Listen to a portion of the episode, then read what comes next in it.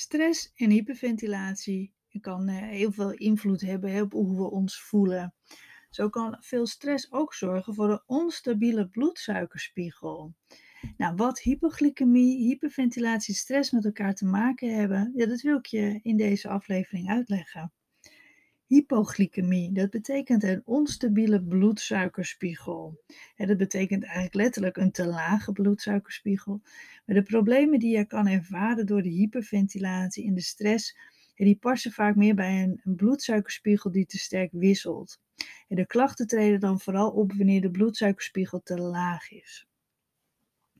Om beter te snappen wat er gebeurt in ons lichaam, is het goed om eerst te weten wat, uh, iets, wat meer te weten over voeding en hoe dit wordt verteerd. Als we voeding tot ons nemen, dan wordt het via de spijsvertering en de stofwisseling omgezet in glucose. En dan wordt het opgenomen in je bloed. Nou, daarna wordt dit bloedsuiker via het bloed vervoerd naar de cellen, waar je het dan als brandstof kan gebruiken. Door deze brandstof kunnen we bewegen, blijft onze lichaamstemperatuur op peil en blijf je onder andere ademen. De hoeveelheid glucose in het bloed, dat noemen we de bloedsuikerspiegel. Dus eigenlijk hoeveel suiker je in je bloed hebt. Maar het is natuurlijk niet echt suiker, en dus, want het is glucose. Dat is een brandstof voor ons lichaam. En vandaar dat we het over, heb ik het over glucose in je bloed en de bloedsuikerspiegel. Nou, er zijn een aantal factoren die hebben invloed op je bloedsuikerspiegel. De factoren die invloed hebben, dat zijn eh, eten, wat je binnenkrijgt, inspanning en stress. Als we eten, dan wordt je bloedsuikerspiegel hoger. En afhankelijk van wat we eten, of drinken natuurlijk, hè, zal dit sneller en hoger stijgen. Eet jij een, ehm, een, een, een wit broodje met hagelslag, en dan is dat hele snelle suikers, dus dan zal het sneller stijgen hè, bij de meeste mensen. Hè, dus iedereen is natuurlijk wel weer een beetje anders. Ehm, dan dat jij ehm, eh, bijvoorbeeld eh, een, een, een, bruine boterham eet met kaas. Want dat zijn andere, dat is nog steeds een broodje, maar dat is een andere vorm van, van, van een brandstof. Als jij uh, een glas cola drinkt, dan zal het sneller stijgen dan als je een glas nou ja, als je wat anders drinkt, als je, als je thee drinkt, hè, want er zit dan niet zoveel suiker in. Maar wat is dan de invloed van stress?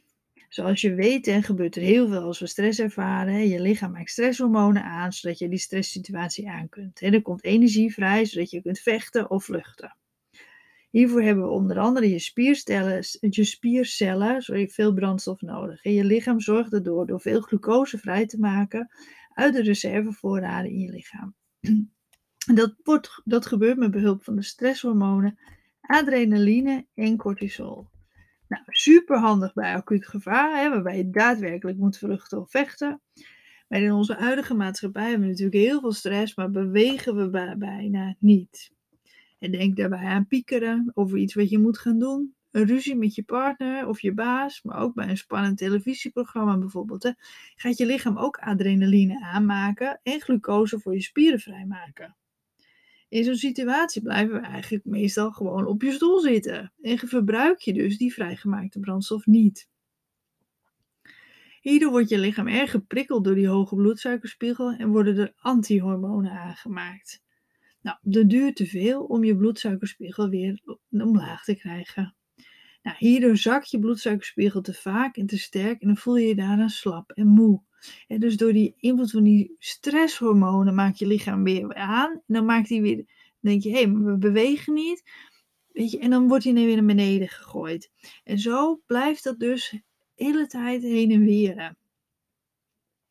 En je merkt dat vaak omdat je dan de behoefte hebt om je lichaam op te peppen met koffie, een koekje of een snoepje. Nou, hierdoor stijgt je bloedsuikerspiegel weer snel en krijg je daarna weer zo'n daling van je bloedsuikerspiegel. En zo kom je dus in die vicieuze cirkel terecht. Kan je in de vicieuze cirkel terechtkomen. En je voelt vaak dan steeds de behoefte om wat te eten en te snoepen. En je voelt je daarna weer snel moe en slap. Hè? Dus even je eet wat en je voelt je weer even lekker helder en, en energiek. En korte tijd daarna voel je je meteen weer slap en moe en, en en dat, dat, dat, dat is ja, een normale reactie van ons lichaam, hè, maar door stress versterkt dat dus. En lang niet iedereen zal daar last van hebben. De een is daar gewoon veel gevoeliger voor, voor een ander dan, dan een ander.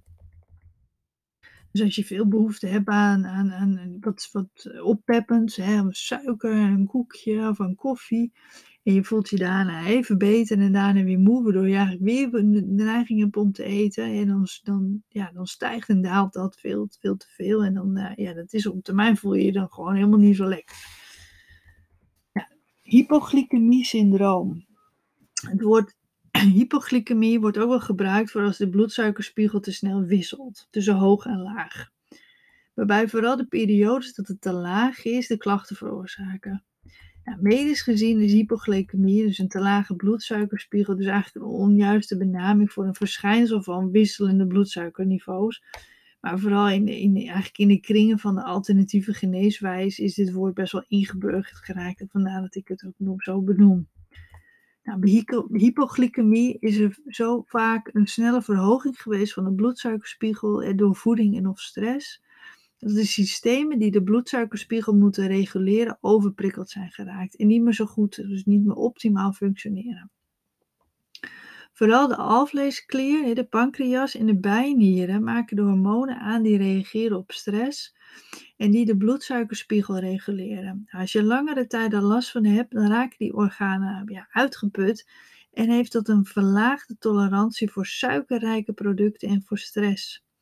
Je kunt dan vaak steeds slechter tegen suiker. Je merkt dan dat je na het eten van suiker je meer hyperventilatieklachten krijgt. Hartkloppingen, onrust, duizelig, darmklachten bijvoorbeeld. Hè. Het is dan heel belangrijk dat je ervoor gaat zorgen dat je alvleesklieren en die bijnieren niet verder uitgeput raken. Dus het is nodig om je stress te verlagen, maar ook om je voeding vaak eventjes te veranderen. Nou, die klachten van hyperventilatie en dat hypoglycemie-syndroom, die lijken heel erg op elkaar en kunnen elkaar dus best wel versterken. Ik zal even een rijtje opnoemen van een aantal klachten. Vermoeidheid, slap gevoel in je spieren en dan vooral in je benen. Een gevoel van flauwvallen, hè, dat je helemaal opeens helemaal niet lekker wordt, dat het helemaal wazig wordt en dat je, dat je echt het idee hebt van nou, nu val ik flauw. Honger tussen de maaltijden door, veel zweten, hartkloppingen, beven en trillen van bijvoorbeeld je handen en met name vlak voor een maaltijd dat je denkt, oeh, ik moet nu even wat eten, dat hè, dat je begint te trillen. Duizeligheid, veel gapen, geeuwen slapeloosheid of juist heel veel kunnen slapen, hoofdpijn, concentratiestoornissen, geïrriteerdheid, woedeaanvallen, huilbuien. En je hebt die reclame hè, van Snickers, uh, dat, je, dat, je, dat je moet eten. Nou, dat, dat gevoel, hè, die, uh, dat je gewoon geïrriteerd bent. Dat is vaak wel een teken dat uh, als je dat echt hebt en je, je knapt op als je gegeten hebt, ja, dan is dat vaak in je bloedsuikerspiegel die dan, en die dan uh, daarvan invloed is op.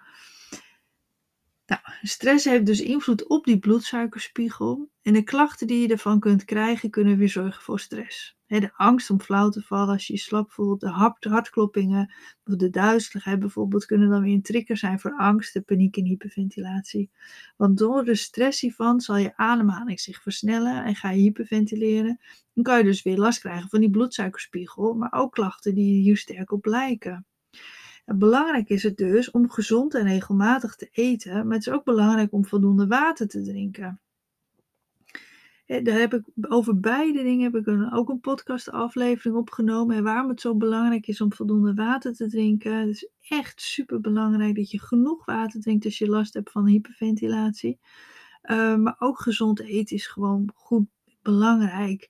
En met wat bedoelen we met gezond eten? Dat is natuurlijk zorgen voor je groenten eventueel fruit, maar vooral die groenten. Um, regelmatig eten. Liefst geen bewerkt voedsel. Dus zo normaal, ja, zo, zo gezond mogelijk. Wat gewoon wat, wat uh, ja, de, de standaard gezondheidsadviezen niks geks. Je, hoeft allemaal niet bijzondere dingen te eten. Gewoon normaal eten. Maar laat het liefst dan de, bewerkte dingetjes staan. Geen pakjes en zakjes. En, uh, en het gaat ook niet om dat je altijd elke dag super gezond hoeft te eten. Je mag best eens een keer uh, wat anders doen. Maar probeer ervoor te zorgen dat je veel goede, gezonde brandstoffen in je lichaam stopt. En als je twijfelt hè, of die klachten ook met, je voeding te maken hebben, hou dan eens een tijdje een dagboek bij en kijk eens hoe je je voelt als je regelmatiger eet of als je juist een maaltijd per ongeluk hebt overgeslagen, dat je merkt, hé, dat voelt me toch wat minder lekker. Hoe voel je als je wel wat suiker hebt gegeten of dat wijntje hebt gedronken of Weet je, hou dat een tijdje bij in je dagboek. Als je denkt, dagboek, wat bedoelt ze daarmee? Ook dat staat op mijn website uitgelegd, www.hyperventilatiecoach.nl. En daar heb ik een keer een podcast over opgenomen. Dat is een van de eerste podcastafleveringen. Dus dan moet je even een stukje scrollen voordat je die ziet. Ehm, dus uh, ja, luister die zeker dan ook eventjes. Als je twijfelt of je voeding ook mee te maken hebt, dan is het gewoon heel goed om het een tijdje bij te houden in je dagboek. En natuurlijk, probeer zoveel mogelijk stress te vermijden en zoveel mogelijk te ontspannen om je goed te voelen. En dat is wel, uh, ja, natuurlijk gewoon belangrijk, die stress vermijden. Maar dat lukt niet altijd. Maar dan kan je wel voor zorgen dat je wat meer uh, probeert te ontspannen. Want dat is meer rust te pakken. Want dat is natuurlijk heel erg belangrijk. Dus wat is de invloed van je bloedsuikerspiegel en stress uh, dat is het verband ermee met elkaar. Dat heb ik geprobeerd uit te leggen. Ook dit staat op mijn website uitgelegd. Dus uh, www.hyperventilatiecoach.nl. Neem daar een kijkje. Wil je werken aan even je klachten? Kijk dan ook eens bij de online cursussen die je kunt volgen. Die kan je zelfstandig volgen en die kan je meteen nu direct starten. Um, dus bedankt voor het luisteren en tot bij een volgende aflevering.